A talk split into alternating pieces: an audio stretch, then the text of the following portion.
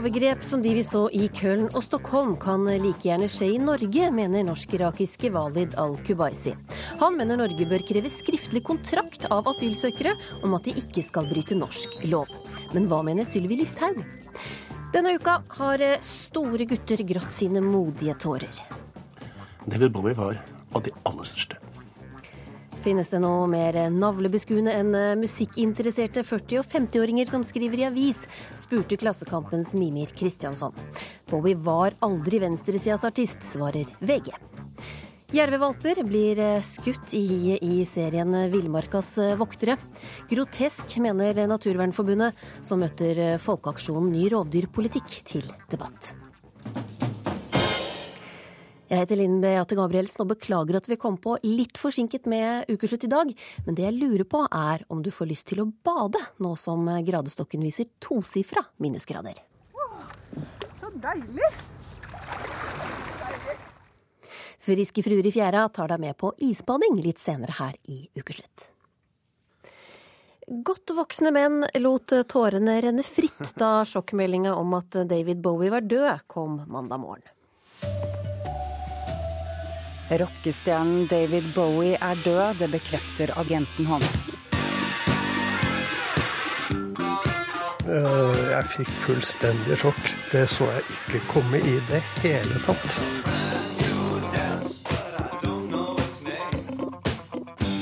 Ziggy played guitar, jamming good with Weird and Gilly and the spiders from Mars. Og dette er jo Nei, jeg, jeg må bare bøye meg i støvet og si at verden har plutselig blitt et veldig fattigere sted. There's a starman waiting in the sky. He'd like to come and meet us, but he thinks he'd blow our minds. There's Nei, Det var forferdelig. Og jeg tror det kanskje egentlig ikke har akseptert det helt ennå.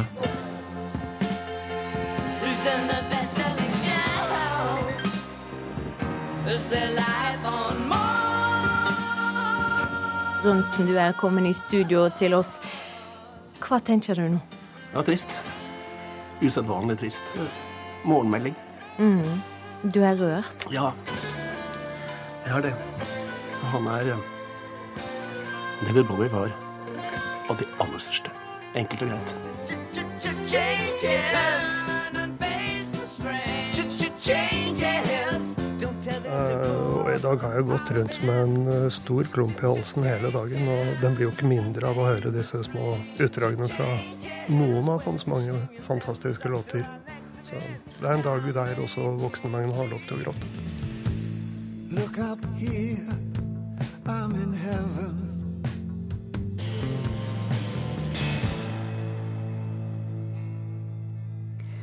Denne montasjen var laget av Hans Ole Hummelvold. En tung og vond start på uka ble det, og folk overgikk hverandre i sorg og hyllest av den store helten. VG spanderte elleve avissider på dødsfallet, og det syns du ble for mye, nyhetssjef i Klassekampen Mimir Kristiansson. Hvorfor det? Jeg syns det var hele totalen i starten av uka der var for mye, og VG for meg det beste eksempelet. 11 av 36 sider i avis om en død artist. Det er relativt mye. Det er ikke noen liten begivenhet at David Bowie dør. Han er en legendarisk og stor artist, og han døde på en uventa måte. Så kunne sikkert hatt forsida og seks sider, liksom, men 11 sider, ganske voldsomt. Så det er noe med kvaliteten her òg. Dette er alle 40, 50, 60 år gamle menn som noensinne har hørt på en plate, som skal benytte anledningen til å få dette til å handle om seg. De skriver om sitt møte med Bowie, sin favoritt-Bowie-sang, sitt platecover. Og dette blir på en måte et slags hakk i plata som minner om det den generasjonen over hadde med krigen, som jo tross alt var en litt større ting enn David Bowie. Og for det tredje så er det noe med ordene som blir brukt her. Dagsavisen Bowie var et av de fremste ikonene på frihet i verden de siste 50 årene, sammen med Mandela, liksom. Og Hans Petter Sjøli, som sitter her ved min side, som skriver at i en tid med islamistisk mørke og reaksjonær populisme i Europa, så vi, hadde vi trengt David Bowies stemme. Men IS herja jo på når David Bowie levde òg, og jeg tror ikke han ville gjort noe forskjell fra eller til, uansett hvor fantastisk stor artist og flink låtskriver han var. Da skal du få slippe til, Hans Petter Sjøli. Du er kommentator og debattansvarlig i VG. Var, var du litt overveldet av egen sorg da du skrev om eh, Bowie? Ja, ja, selvfølgelig var jeg det. Det var jo en eh, spontan uh, sak på morgenen. Jeg har satt hele helga og hørte på den nye plata til David Bowie, som jeg syns er helt en helt fantastisk skive laga av en, en, en mann som i den kondisjonen han var. for så vidt. Og, og, og på mandags morgen så sa sønnen min til meg at ja, David Bowie, død. da fikk jeg helt eh, Ja. Det ble litt mye akkurat da. Men da fikk jeg uttrykt det gjennom eh, den eh, lange teksten jeg skrev i VG, som jeg har fått utrolig mye tilbakemeldinger på. Nesten aldri opplevd maken. Og det er vanlige folk som kommer på båt jeg bor på Nesodden, kommer på Nesoddbåten og forteller meg at det, de ble så rørt av det jeg skrev. Og det, og det, og er, og det, og det er liksom en, en tilbakemelding fra, fra folket da, som jeg syns har vært så, så sterkt, som viser hvor sterkt Bowie tross alt står. da. Men Eh, ute, blant, ute blant alle mulige slags folk. Ja, og det var da én side i VG, og det hadde sikkert vært greit. Ja, men to, så var det var to, for det var veldig lang. Ja. Eh, men hvorfor var det nødvendig med elleve sider om Bowies død? Eh, Så det kunne sikkert vært ni. Eh, Jeg vet ikke om Mimmi Kristiansson syns det hadde vært bedre hvis det har vært ni eller ti eller sju eller noe sånt. Eh, Elleve Det var et uttrykk for at det her var dagens eh, aller største nyhet, og VG har alltid vært flink til å kaste seg rundt og ta liksom, dagens sak og liksom mæle på. da. Eh, Så, og eh, sakene har vist eh, på, på våre Uh, målinger viste at de er godt lest. Eh, mange tilbakemeldinger, gode kommentarer i kommentarfeltene. Og, så vi er veldig fornøyd med måten vi, vi gjorde det på. Mm. Bovis, det var, den var jo ganske sjokkerende og spektakulær, egentlig, Kristiansson. Eh, Hvorfor skal ikke en tabloidavis som VG nettopp bruke masse plass på noe sånt? Jo, jo, en tabloidavis som VG skal jo bruke masse plass. Spørsmålet om de skal bruke hver tredje side i avisen sin. Altså, de har et annet eh, samfunnsoppdrag òg, som handler om å dekke en hel rekke med store begivenheter. Da. Og jeg, eh, altså for all del, jeg har veldig sans for Hans Petter sine forklaringer. Alle som har jobba i avis, vet at når det kommer en sånn nyhet, og VG er jo best i Norge på det, da. Det Komplimenten skal de få. Så kaster man seg rundt, og så ser man kanskje etter Oi, herregud, det var litt mye, liksom. Den siste sida, eller elleve. OK, kanskje kunne vært ni. Så sånne ting skjer hele tiden, og de spontane reaksjonene er helt greie. Men det er jo et generasjonsfenomen her òg, og vi som ikke har fått gleden av å leve som ungdommer i den musikalske gullalderen som Hans Petter Sjøli og hans jevnaldrende har eh, vokst opp under. Vi har jo begynt å bli litt leie da, av disse fedrene i, i du- musikkbransjen som skal liksom yngre fortelle oss Nei, 29. Hvor gammel er du? Jeg er 42. 42. Tidlig i 40-årene. Men, men vi begynner jo å bli litt lei av denne el- altså den evige, evige terpingen på disse her ungdomsidolene, ungdomsartistene, og ikke minst denne frontingen av seg sjøl og sine egne opplevelser med musikk. Ja, og jeg blinde mistenker på egen generasjon og egen musikksmak. Men Det som eh, jeg tilhører ikke den generasjonen som han kritiserer her. Jeg er egentlig yngre. Jeg oppdaga David Bowie på 90-tallet. Uh, og da han var begynt å bli Men så har de selvfølgelig gått tilbake og hørt på de gamle tingene. og sånne ting, og Som, som uh, meget opptatt av popkultur og popmusikk generelt, så, så for meg så er uh, Bowies katalog helt unik. Uh, Derfor så tillot meg, hva jeg, hva, hva jeg bruker store ord da, på, på mandag, å si at han kanskje var den største av dem alle. Fordi det er, det er så mangslungent, det er så svært. det er så det er, det er et kunstnerskap her som, som eh, få andre innafor uh, den sjangeren kan vise til. da. Men han da inn IS her, at liksom vi Ja, kunne trengt Bowie på, på. Ja, men poenget jeg brukte jo, Når han siterer meg, så får han ikke med de der anførselstegnene jeg brukte. da. Så det var jo en sånn eh, Poenget bare at eh, sånn som jeg, hvis jeg skal prøve å, å analysere litt mer politisk, da, så, så er skal vi si at Bowie er en artist som venstresida aldri har likt. Han er vært eh, postmoderne, han har vært utydelig, han har vært upolitisk um, og vært en sånn kameleon, ikke sant, som, det- sånn det beskrives som. da. Så venstresida har egentlig aldri klart å forholde seg ordentlig til, til, til David Bowie. Uh, han er på en måte inautentisk. Det er ikke noe sånn Johnny Cash eller Alf Prøysen over det. ikke sant? Og det synes jeg, tror jeg er noe som kanskje trigga uh, Mimmi Kristiansson til å bli litt sånn ekstra sur da når han leste det, særlig det jeg skrev. da, i, uh, At det her var på en måte ikke, det er ikke hans artist, det her. ikke sant? Og da, da hadde jeg skrevet her om eh, Johnny Cash, og han har selvfølgelig aldri sittet i studio og sagt at nei, det skulle vært mer, det skulle vært eh, 20 sider. Ja, er det det? At det er upolitisk? Mimmi? Altså en venstreside der man ikke kan danse til David Bowie eller høre på David Bowie. Det er ikke min venstreside. Altså. David Bowie er en av mine yndlingsartister. Han er en helt fantastisk artist. Det er ingen, og som Hans Petter òg brukte helga på å høre på hans, eh, forrige helg på å høre på hans plate. og Den er utrolig bra. Den nyeste som jeg vil anbefale alle å høre på. Så akkurat det her tror jeg bare er projisering av fordommer mot venstresida. Nei, Du reagerte på det. Jeg skrev at det her er, Bowie var en motvekt mot, uh, mot uh, reaksjonær populisme. Nei, det, ja, det... fordi, fordi, du er jo populist. ja, ja, men jeg er jo progressiv populist. Da. Men det jeg reagerer på, er jo bare den enorme hyllesten. Dette skjer jo med alle som dør i Norge. I Norge har vi en sånn tradisjon at når folk dør, så blir det helt enormt, liksom. Jeg kan ta ett eksempel. så Hans Petter skrev jo blant annet at, at David Bowie var den største. Og det kan jeg egentlig være enig i, men det er jo ikke mer enn et par år siden man hadde en diskusjon i VG om hvem som var den største, og da var vel eh, Hans Petter av den meningen at Neil Young var ja, den største. Og ingen av VGs kommentatorer klarte å komme på David Bowie som den største før han altså Diskusjonen døde. gikk på hvem som var størst av Neil Young og Bob Dylan, og det var en veldig tullete diskusjon som vi alle hadde veldig moro med. ikke sant? Så du, du tar det litt for alvorlig, syns jeg. Det er litt for sånn, Og så går du tilbake og husker det vi skrev for fem-seks år siden. Det er jo ganske flatterende. Jeg kan ikke huske ting som sto i avisa for to år siden. Men i Klassekampen så måtte jeg jo bla helt til side 26 før Bowies død ble nevnt i det hele tatt, og da var det en én side. Det ble ikke litt lite igjen, da, fra deres kunne, hold? kunne sikkert vært mer om Bowie, og jeg vil anbefale alle å kjøpe Klassekampen på mandag. Da kommer musikkmagasinet vårt med fire sider Bowie, så da er det bare å glede seg. Da. Der sitter det noen på Hans Petters alder og har stødig hånd og bryr seg ikke om utligne seg på sosiale medier. Jeg håper du er like streng med dem som det har vært med oss andre. Nei, det er på en måte Berge Furre som er vår David Bowie. Hans Petter. Han har hatt fem nekrologer denne uken.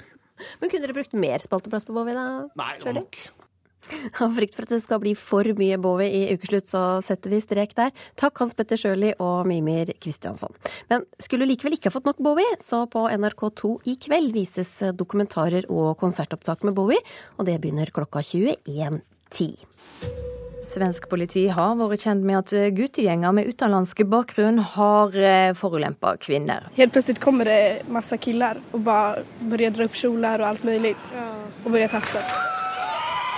I dag anmeldte 100 kvinner til seksuell trakassering under nyttårsfeiringa i Köln i Tyskland. Denne kvinnen forteller om overgrepene. De begynte å beføle oss også i skrittet, sier hun. Masseovergrep mot kvinner, det kan også skje i Norge. Det mener samfunnsdebattant Walid al-Kubaisi. Han syns derfor asylsøkere skal skrive under på en kontrakt med konkrete krav når de kommer til Norge, og hvis de bryter kontrakten, skal de kunne sendes tilbake. Slik mener han vi kan unngå at det samme skjer i Norge. Hendelsene i Stockholm og Köln har også gjort inntrykk på flyktninger i Norge. Ukesluttreporter Torkil Thorsvik møtte noen av asylsøkerne som nå er på kurs for å lære norsk språk, kultur og samfunn. Jeg starter time, for nå er klokka fem over halv Fem over halv ett, dere. God dag, alle sammen. Seks asylsøkere setter seg til rette i klasserommet foran lærer Selin Ekeli ved voksenopplæringssenteret på Ås i Akershus. Har dere fulgt med på nyhetene om det som skjedde i Tyskland? I Köln? Du sa ja, kan ikke du si litt Du kan fortelle høyt hva det handler norsk. Prøv. Prøv bare. Det går bra. Det er ikke sikkert, men de sier noen utenlandisk.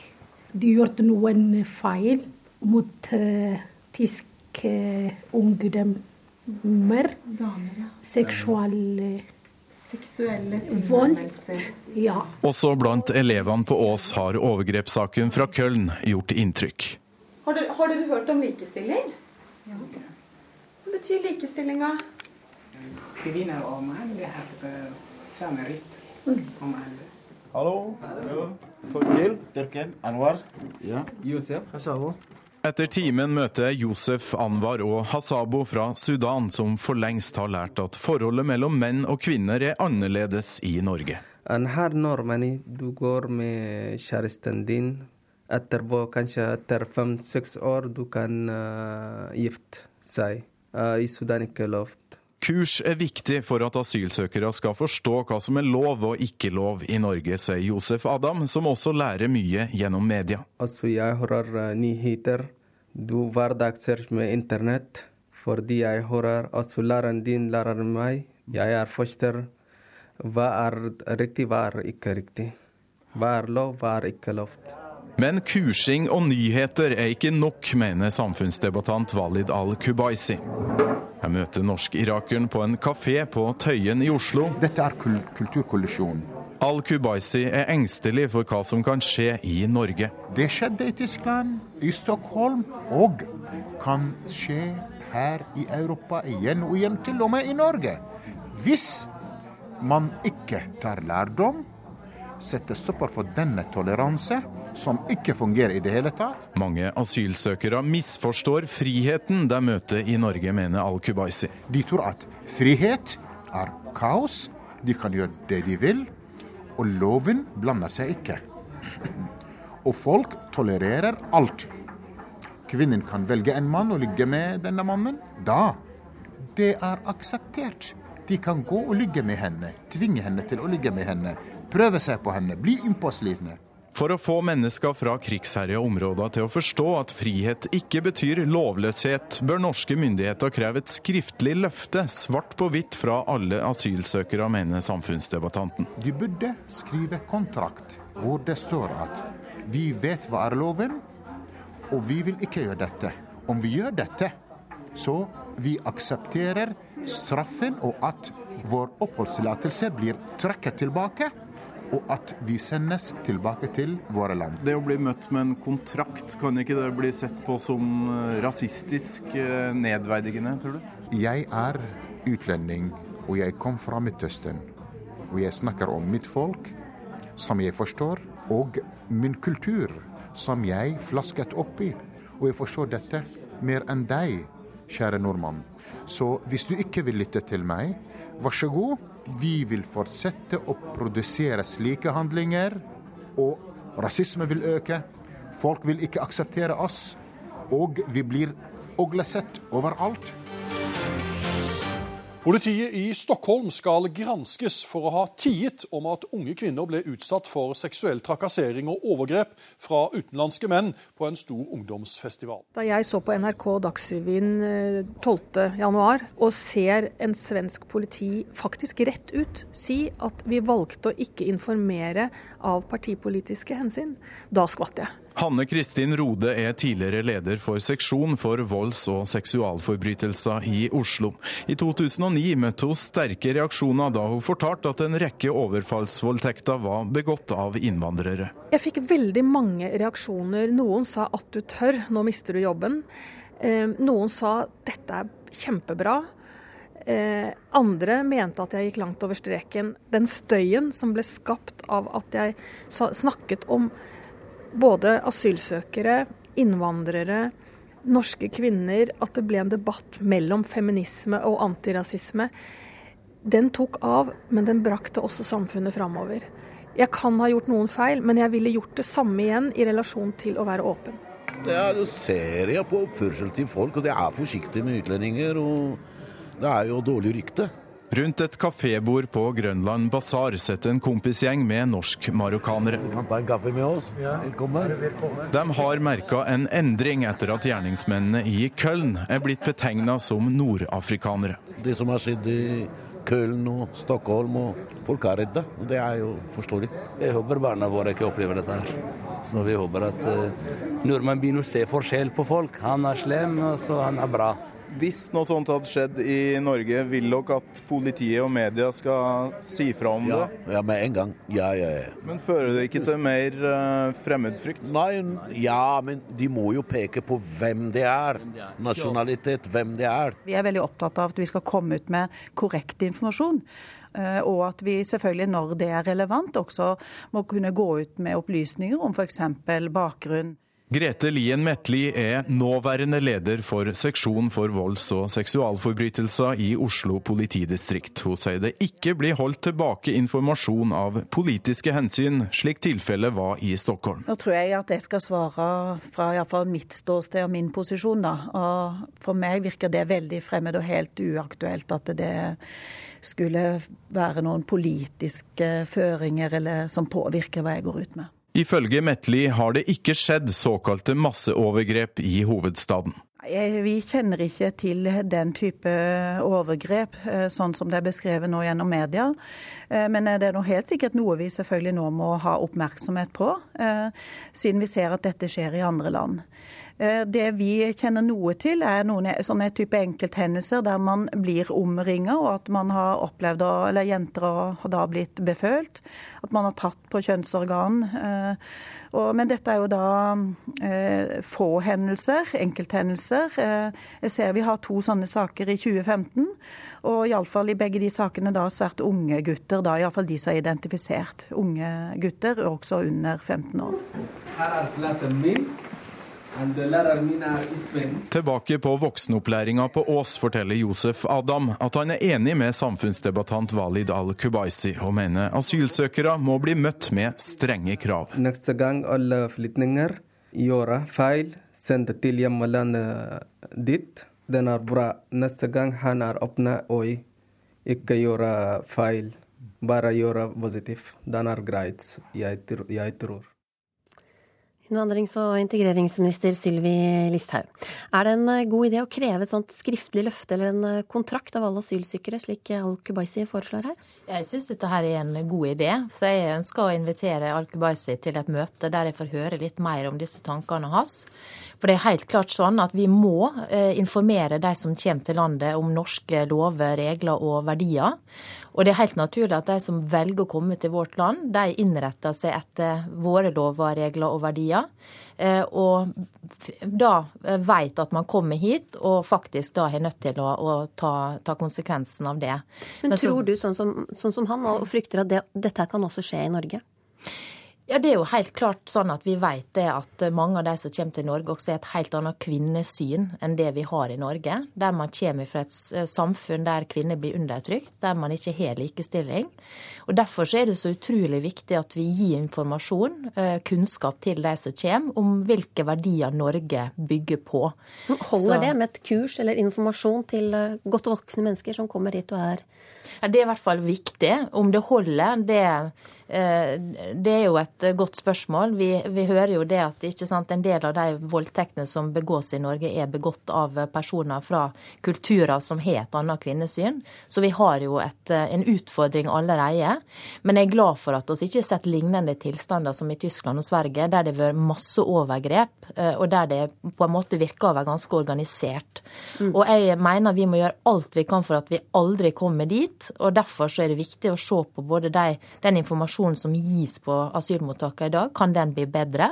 Og også se på det, den ideen som Al-Kubaisi har om en sånn type kontrakt, som jeg syns høres spennende ut. mm. Og også da at man eventuelt kan utvise dem hvis man ikke oppfyller Ja, og det er jo sånn i dag at blir du da dømt for kriminelle handlinger, eh, så eh, blir du jo utvist hvis, du får, hvis det har en strafferamme over en, en eh, viss varighet. Nå hørte vi her at uh, i, i fjor så var det to episoder i Oslo da hvor jenter ble omringet og, og befølt, og det ene skjedde på VG-listeshowet. Hvordan er vi rusta til å beskytte kvinner mot eh, sånne ting i Norge? Det er jo utrolig viktig at vi gjør alt vi kan for å beskytte kvinnene. For det vi vet er at hvis du blir utsatt for den type overgrep, så kan det ha betydning for hele livskvaliteten din resten av livet. Men hva konkret, da? Hva, hvilke tiltak og grep eh, gjør vi og kan vi gjøre? For å... Altså, politiet har jo selvfølgelig en eh, viktig rolle hele veien i å sikre at det ikke begås kriminalitet. Så tror jeg som sagt at det er veldig viktig at vi informerer de som kommer her, om at eh, det ikke er akseptabelt å drive med trakassering av kvinner, overgrep mot kvinner. Eh, få en forståelse hos dem av hvilke verdier som gjelder i Norge, og at det får en konsekvens hvis du bryter. Men det var eh, politi til stede på festivalen i Stockholm, hvor eh, dette, og likevel så, så skjedde. Er det mulig å hindre at eh, slike ting skjer? Nei, Vi ser jo det at hvis man først bestemmer seg og organiserer seg for å da begå den type handlinger, så kan jo det være en stor utfordring. og Det er derfor det er så viktig at vi jobber da med forebygging eh, og få disse personene til å forstå at når man kommer til Norge, så har du valgt det sjøl. Da må du ta inn over deg at du kommer til et land med andre lover, regler og verdier. Her er det likestilling. Kvinner i Norge har samme rettigheter som menn.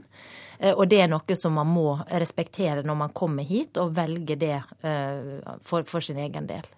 Men hva, et annet aspekt ved det her er jo eh, at det kan jo skape splittelse og rasisme her til lands når man hører om eh, slike episoder. Hva, eh, hva, vil du gjøre for å forhindre at nettopp det skjer? Det er jo å prøve å nettopp forebygge at det skjer. Og det er jo alltid viktig når man hører om sånne episoder at eh, de aller fleste er lovlydige. De gjør ikke noe galt. Og det som da er veldig synd, det er at sånne episoder går utover alle. Det vil sette et mistenksomhetens lys over kanskje menn som kommer fra enkelte kulturer.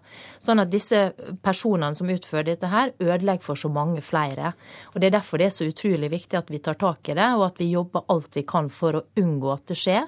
Og at de som utfører det, blir tatt, og at det får en konsekvens for dem. Og vi har jo i året som vi gikk lagt bak oss, sendt ut eh, historisk mange kriminelle eh, personer eh, som er kommet til Norge, og som da har har brutt samfunnskontrakten og, og, skal ut. Jeg er nødt til å spørre deg om en eh, annen ting helt eh, til slutt. For i går så sa din partikollega Mazyar Keshvari at det kunne være aktuelt å gjøre som i Danmark når flyktninger kommer dit, og inndra smyk smykker og verdisaker for å dekke utgifter ved at de kommer hit. Hva tenker du om det? Nei, Nå skal vi framover vurdere mange ulike forslag eh, og, og se på altså, hvilke innstramminger kan det være aktuelt å gjøre på sikt. Og jeg har ikke tatt stilling til det spørsmålet. Men det er noe du vurderer?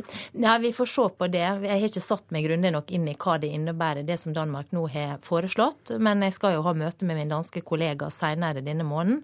Og da er det jo grunn til å spørre om både det og andre forslag som Danmark har gjennomført. Takk for at du kom hit til eh, Ukeslutt, innvandrings- og integreringsminister Sylvi Listhaug.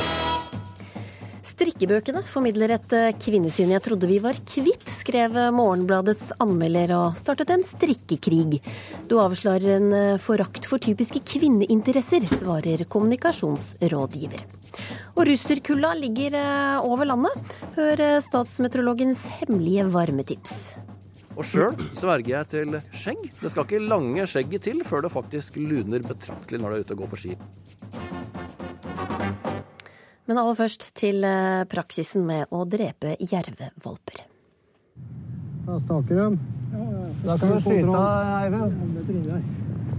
Når jeg kommer frem da. Jeg blir aldri vant til det å ta livet av små jervevalper. Altså, det gjør jeg ikke. Den har jo ofte ikke engang vært ute og sett dagens lys. Så det, det, nei, det er rett og slett utrivelig. I NRKs serie Villmarkas voktere fikk vi denne uka se hvordan Statens naturoppsyn graver seg inn til et eh, jervehi, for eh, så å ta livet av både mora og jervevalpene. Årsaken er at eh, Stortinget har bestemt at vi skal ha nøyaktig 39 jervekull hvert år. I fjor var det 65, og for å holde bestanden nede gjør altså Naturoppsynet såkalt hiuttak. Åsmund Ystad, du er daglig leder i Folkeaksjonen ny rovdyrpolitikk. Hvorfor er det egentlig nødvendig å drepe jervevalper? Det, det er, først skal jeg si det at eh, det vi ser er en jerveforvaltning ute av kontroll. Alle må skjønne at ingen ønsker eh, hiuttak og, og, andre sånn omstridte metoder. Er ingen som har lyst til å drive med det. Eh, men vi har altfor mye jerv. Og hovedproblemet er faktisk at det eh, spesielt Naturvernforbundet kaller en sterkt utrydningstrua jerven, den yngler jo i bøtter og spann. Det er altfor mange tonn. Så har Stortinget vedtatt et mål, og så har de vedtatt virkemidler som skal være vanlig, frivillig lisensjakt. Men så har de òg vedtatt en plan B, at hvis den ikke virker, så har vi en plan B som sier ekstraordinære uttak som vi ser nå med helikopter og hiuttak. Men hvorfor er det så farlig, da? Om det er litt uh, mye jerv, hvis den til og med er uh, trua, hvilke konsekvenser har det hvis uh, vi bare lot jerven spre seg som den ville? Ja, jerven er og blir den største skadegjøreren på dyr på utmarksbeite, både sau, ikke minst tamrein. Og det har jo vært stort sett 50% mer jerv i Norge enn vedtatt i ti år på rad. Eh, og, om, eh, og den kommer til å bli et problem selv om vi fikk den ned på nivået som nå, men hvis du lar det vokse utover uh, uten å forvalte den, så blir det selvfølgelig en katastrofe for samisk uh, tamreinnæring og utmarksbeite med sau. Mm. Maren Esmark, du er generalsekretær i Naturvernforbundet, og dere kaller dette for vårens styggeste eventyr. Hva er det som er galt med denne måten å drepe jerv på? Jeg kan først bare svare på dette med hiuttak. Her er det jo snakk om at man går inn og tar dyr mens de ligger i hi, eh, mens unge, mora har valper og fortsatt dier. I normalt i viltforvaltninga i Norge så er alle dyr som ligger på hi, freda. Selv rotter er faktisk fredet når de, ligger, når de har uh, unger. Så det er et prinsipp vi har. Og jeg syns det er helt forferdelig at den norske naturforvaltninga når det gjelder jerv, gjør et unntak og tillater da hiuttak. Det er en måte å drive naturforvaltning på som et land ikke er verdig et land som Norge. Dette må vi rett og slett slutte med. Men Hvordan skal man da regulere jervebestanden? Ja, jo, Over til det Ystad tar opp her. Eh, Naturvernforbundet vi er en stor og brei organisasjon, over 22 000 medlemmer, og vi vokser. Og det vi ser er at eh, det er en veldig sterk støtte i den norske befolkninga for å ha rovdyr. Jerven står på rødlista som sterkt truet. Bestandsstatusen ble oppdatert i høst. Vi vet at dette er en art som har problemer med å klare seg i Norge. Og den største grunnen til at jerven er i nedgang, eh, eller altså sliter, er selvfølgelig at vi dreper den, altså jakt. Men Naturvernforbundet, det er greit. Vi støtter jakt. Det er noe jakt på jerv. Og når dyr har gjort skade, så skal de ta ut, tas ut. Og vi har en rovdyrpolitikk i Norge som er todelt, med to mål. ene målet er at vi skal ha beitedyr ute i naturen. Og det andre målet er at vi skal ha levedyktige rovdyrbestander. Og det er to mål som skal leve ved siden av hverandre, og vi skal prøve å få til. Og så nevner Ystad nå eh, reindriftsnæringa, som har en utfordring med rovdyr. Det er helt riktig. Men de har utfordringer med andre ting også. Bl.a. med arealinngrep, eh, gruvedrift. Hva skal de gjøre for å beskytte reinen mot jerven? Jo, men du skjønner at Jerven er én av mange faktorer, så det er de andre faktorene er lettere å ta bort. F.eks. ikke tillate svære industriutbygginger i sørsamiske områder, sånn som man gjør når Fred Olsen får lov å bygge ut oppå Kalvavatnan. Dette er jo ting som kommer i tillegg til jerven. Så Norge tåler mer jerv. Og så er det ikke riktig som du sa, at det er nøyaktig 39 ynglinger vi skal ha. Det er et minimumsmål. At det skal være minimum 39 ynglinger i Norge. Men De regulerer i hvert fall ned. Ja. Eh, Ystad, eh, er det ikke mulig å regulere dette her på andre måter, da? Kunne man ikke Ja? Jo, det er det. Og den diskusjonen er omtrent like gammel som, eh, som hiuttak. Og hele poenget er at det trengs lettelser i regelverket for å få vanlig lisensjakt mer effektiv. Og Det diskuteres stadig vekk, og senest i Stortinget for et halvt år siden, da det var opp en rekke forslag til det er ofte enkle lettelser i, i regelverket. Annet i mørketida i Nord-Norge så er det forbudt å bruke lys, kunstig lys på åtejakt. Og åtejakt er den vanlige metoden.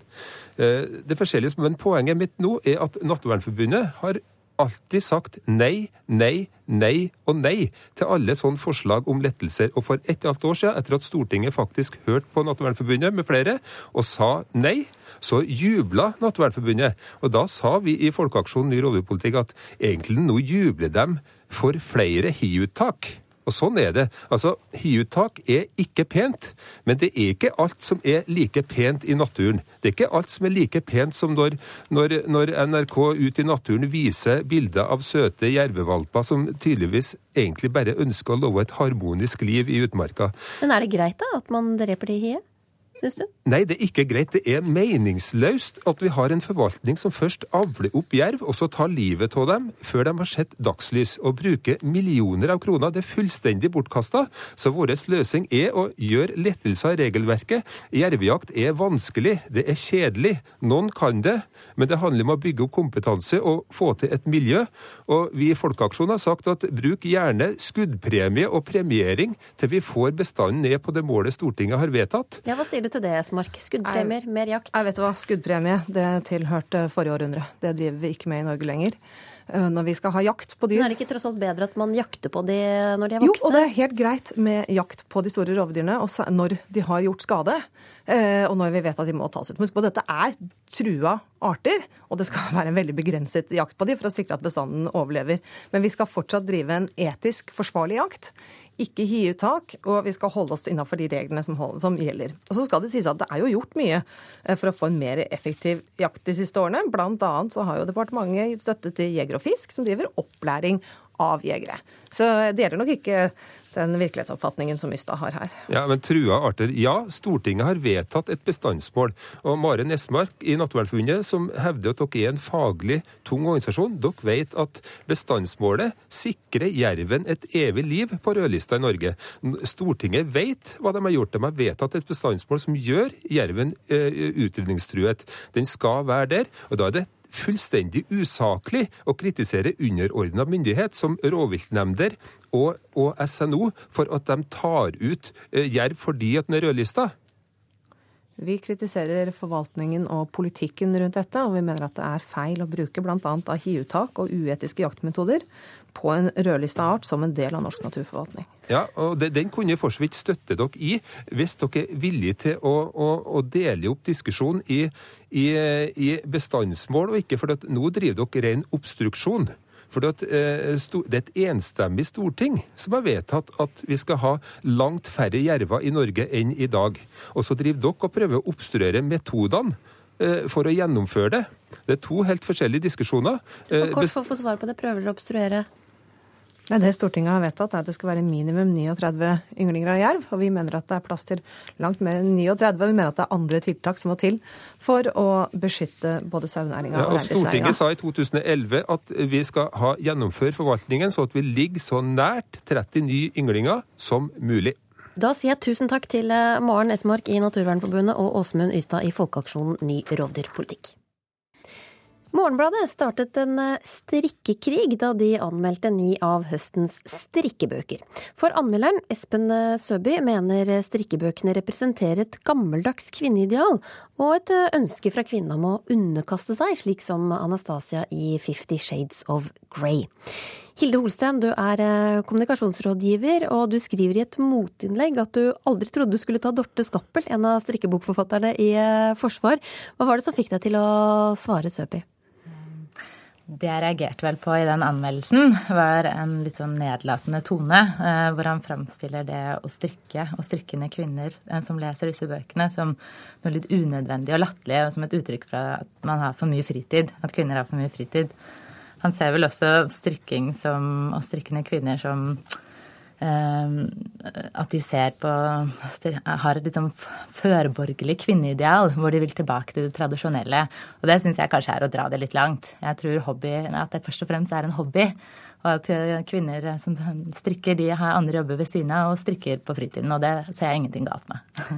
Kritiker og forfatter Espen eh, Søby, forakter du kvinner som eh, strikker? Nei, altså det gjør jeg virkelig ikke. Det er, dette har vært en anmeldelse av strikkebøkene. Og mm, men du sier de forfekter et kvinneideal? Bøkene gjør det. Altså, Bøkene formidler et kvinneideal som jeg trodde var begravet uh, for godt. Og det, meg, det har overrasket meg veldig at uh, så mange har uh, forsvart altså disse bøkene. fordi, fordi altså egentlig burde kritikken av de bøkene vært mye hardere. Altså i virkeligheten så er det jo ikke bøker. Altså det er eh, styla produkter med, hvor mesteparten brukes på eh, bilder. Og eh, det er jo nesten ikke noe skrevet tekst i dem, bortsett fra altså, 20-30 oppskrifter. Så dette er en sånn kommersiell hype hvor man blander uh, pro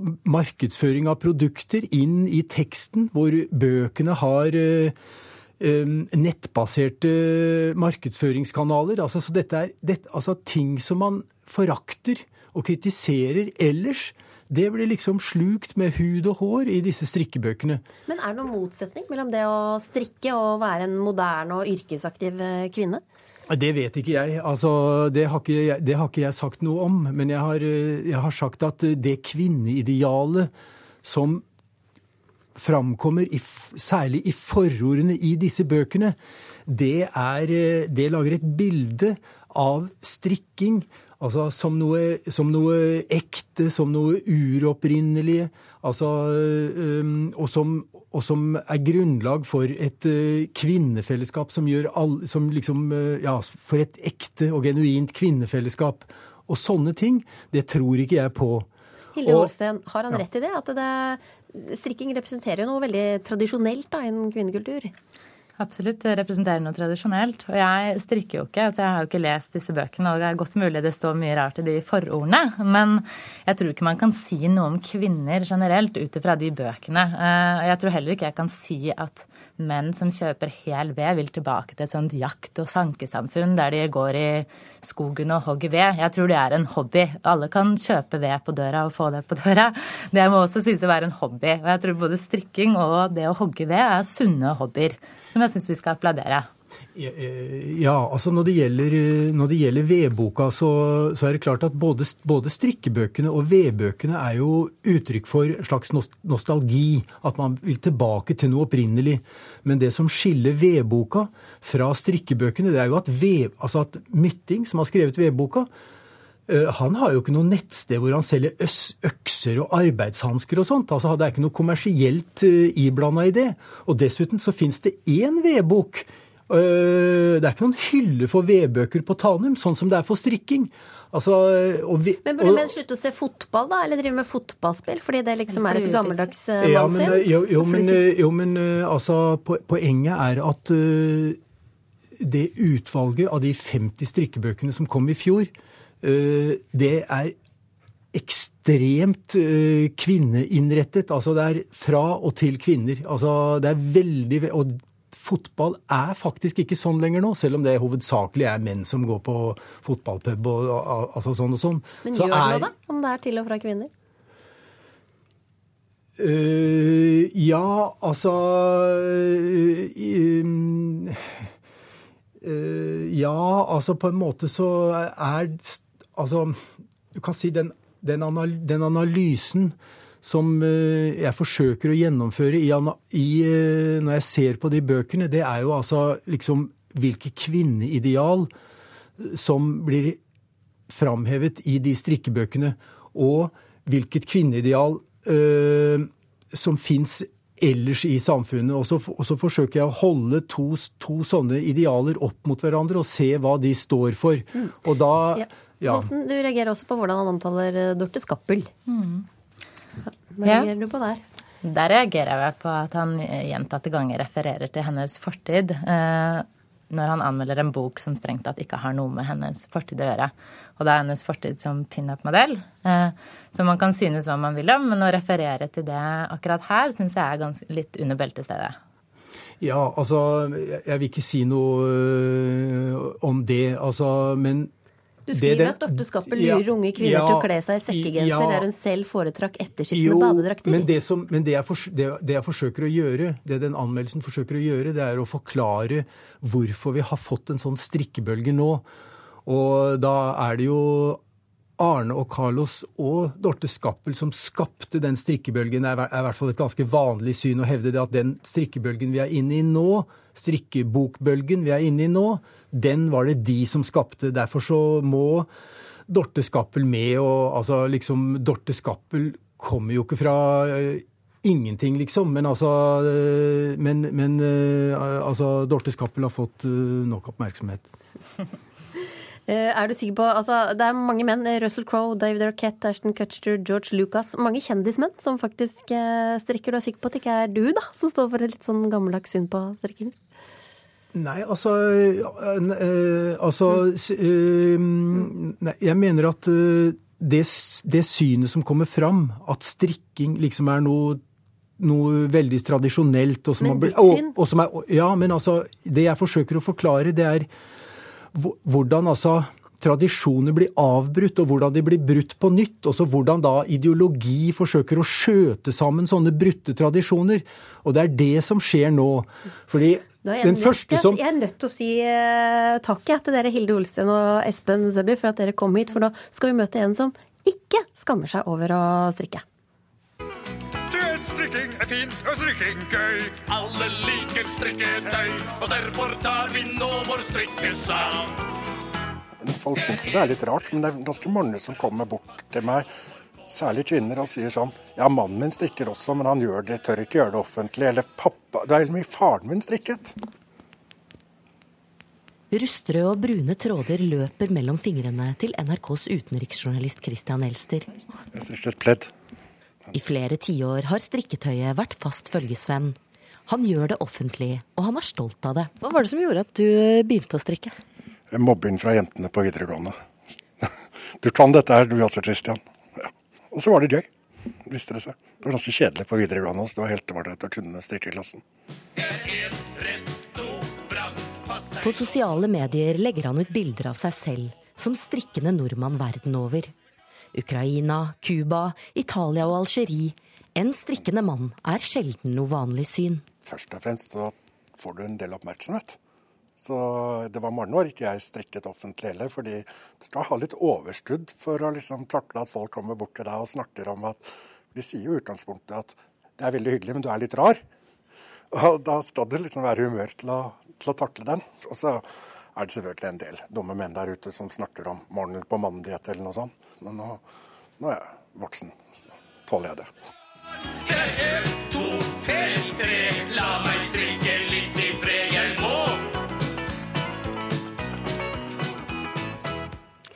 Åsa Vartdal hadde møtt den strikkende Christian Elster. Når gradestokken viser eh, tosifrede minusgrader, så vet vi å pakke oss inn i lag på lag med ull. Men enkelte velger faktisk å kle av seg i russekulda. Oi, herlig, herlig. Deilig. Jeg antar at det er et par grader. Veldig fint. Det er morgensol og frostis på fjorden. Åh, Så. Deilig. Jeg står på bryggekanten med tre lag ull og polvotter.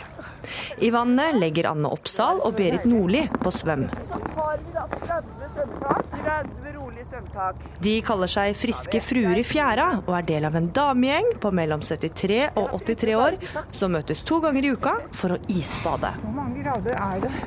Det er to eller to. Det er så kaldt at opptakeren streiker, og Annes badesko blir stive av kulde før hun rekker å gå ut i vannet.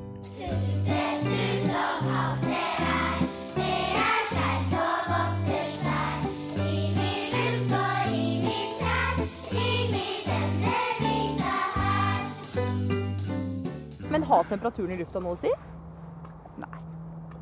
Jeg, jeg syns det er litt bedre å komme opp når det er varmt i lufta. Det må jeg ærlig innrømme. Vi, på spekkelaget, det, vet du. Vi i varmt vann nå. Det gjør vi. Vi bader året rundt. Men det er en egen opplevelse når det er kaldt. Vil du si at det er bedre enn sommerbading? da? Nei, altså jeg elsker å bade. Det er to vidt forskjellige ting. Ja, det er Og det. det er jo fellesnevneren for alle disse damene, at vi er, vi er ekstremt glad i å bade. Det Vi- vi- må man være for å, å isbade. Må i utgangspunktet være glad i å bade. Det har vært en iskald uke, og det er ikke alle som er like entusiastiske som Anne og Berit i møte med kulda. Skylda for det kalde været får russerne. Men la meg sette over til en som virkelig kan temperaturer. Mannen som gir deg været, står akkurat nå i tosifra minus med frostrøyk fra munnen. Russekulda er jo sånn kaldt vær som ofte kommer østifra. Altså en eller annen retning må kaldlufta komme fra når den skal til Norge. Vestfra er vanskelig, der er det varmt hav. Nordover hav, litt kaldere, men ikke kaldt nok. Stor landmasse østover som kan generere mye kaldluft eh, i høytrykksområder i løpet av vinteren. Så den veien må liksom kulda komme. For det er russekulda som gjør at det blir virkelig kaldt. Eh, Det har vært eh, nede i minus 35 på Finnmarksvidda natt eh, til torsdag, og nede i minus 33 på Drevsjø, i hvert fall i, i Sør-Norge. I Finnmark så kommer kulda til å slå seg, så der er vi egentlig over det verste, også i de indre områdene. Men det blir litt kaldere i indre strøk, ja, både i Nordland og i østlige østlig del av Sør-Norge, så vi kommer kanskje ned mot en minus eh, 35 kanskje på det aller kaldeste et par netter. Hva er ditt beste kuldetips? Det er å kle seg godt. Ull er bra både nede og oppe. Og sjøl sverger jeg til skjegg. Det skal ikke lange skjegget til før det faktisk luner betraktelig når du er ute og går på ski i Så du er egentlig ganske varm du nå, eller? Eh, Ja, nå er det ikke så hakende gærent her. I hvert fall eh, god varm på kjakan. Ja. Nå kan vi gå inn igjen, for nå ble det kaldt. Ja, det gjør vi det.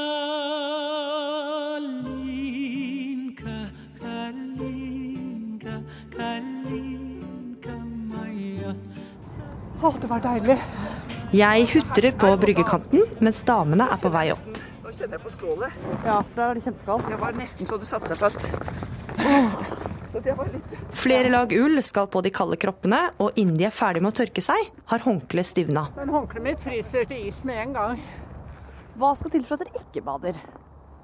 Ingenting i grønn. Det er ikke noe som stopper oss. Det kan være så kaldt det bare vil. Det er jo død og egen begravelse da, som da Det er Da har vi lovlig fritak. Hutrende reporter var eh, Gry Veiby. Men hva skal til for at eh, du skal ta deg et eh, sjøbad nå, statsmeteorolog Terje Alsvik Valle? Det skal mye til. Jeg er glad i å bade, men frister ikke så veldig akkurat nå, må jeg innrømme, å ta et bad. Vi har fått et lite forvarsel av din kollega her, men kan du si litt mer om hvordan kulda fordeler seg over landet? Ja, det er veldig ujevnfordelt, egentlig. Det er minst kaldt på kysten av Finnmark. Det har sneket seg så vidt over null nå i Honningsvåg med et par plussgrader for øyeblikket, men der vil temperaturene falle til en del minusgrader i morgen. Aller kaldest i landet nå klokken ett var det i Storforshei, som ligger i Nordland. Der var det minus 26 kalde grader nå ved ett-tiden. For øvrig så er det to minus nå i Tromsø klokken ett. Trondheim har minus fem. Bergen minus én. Kristiansand ved Kjevik minus seks. Og Blindern Oslo har nå minus syv grader. Som sagt, litt kaldere vær da nordpå nå det første døgnet, og det er noen snøbyger nå i Troms og Finnmark. Flest byger utover dagen er det i Vest-Finnmark, egentlig. Men også enkelte byger i Troms, mens det går mot lettere vær nå Tettenhagen i Øst-Finnmark. Og frisk bris til liten kuling fra mellom øst og nord langs kysten. Nordland får enkelte snøbyger, hovedsakelig ytre strøk fra ca. Salten og nordover. Lenger sør blir det stort sett oppholdsvær resten av dagen. Trøndelag får oppholdsvær, mens ytre strøk av Møre og Romsdal får enkelte snøbyger også utover ettermiddagen, i hvert fall langs kysten. Vestlandet sør for Stad har riktig fint vær nå, sol mange steder etter snøvær i går. Og Østafjells også en del sol oppå seg nå videre utover ettermiddagen. I morgen på søndag så vil det komme noen snøbyger fortsatt over Troms, mens det blir lite eller ingenting over Finnmark. Og i morgen blir det økende vind fra omkring sørøst etter hvert i Finnmark. I Nordland lite nedbør i nordlige halvparten av fylket, bare enkelte snøbyger på kysten. Men på Helgeland blir det økende vestavind og flere snøbyger siste del av morgendagen. Trøndelag får økning til vestlig kuling langs kysten i morgen, og etter hvert flere og flere snøbyger. Og de snøbygene kommer også ned til Møre særlig i morgen ettermiddag. Lenger Sørlandet, altså sør for Stad og Dovre, så blir det oppholdsvær, en del sol mange steder. Men på Vestlandet så dukker det opp enkelte snøbyger langs kysten, særlig morgen ettermiddag og kveld. Og generelt en vinterlig og kald værtype i landet i morgen. Og da hutrer vi oss ut av uh, ukeslutt. Ansvarlig for sendinga var Kari Li og Åsa Vartdal. Teknisk ansvarlig Hilde Tosterud, og i studio var jeg Linn Beate Gabrielsen.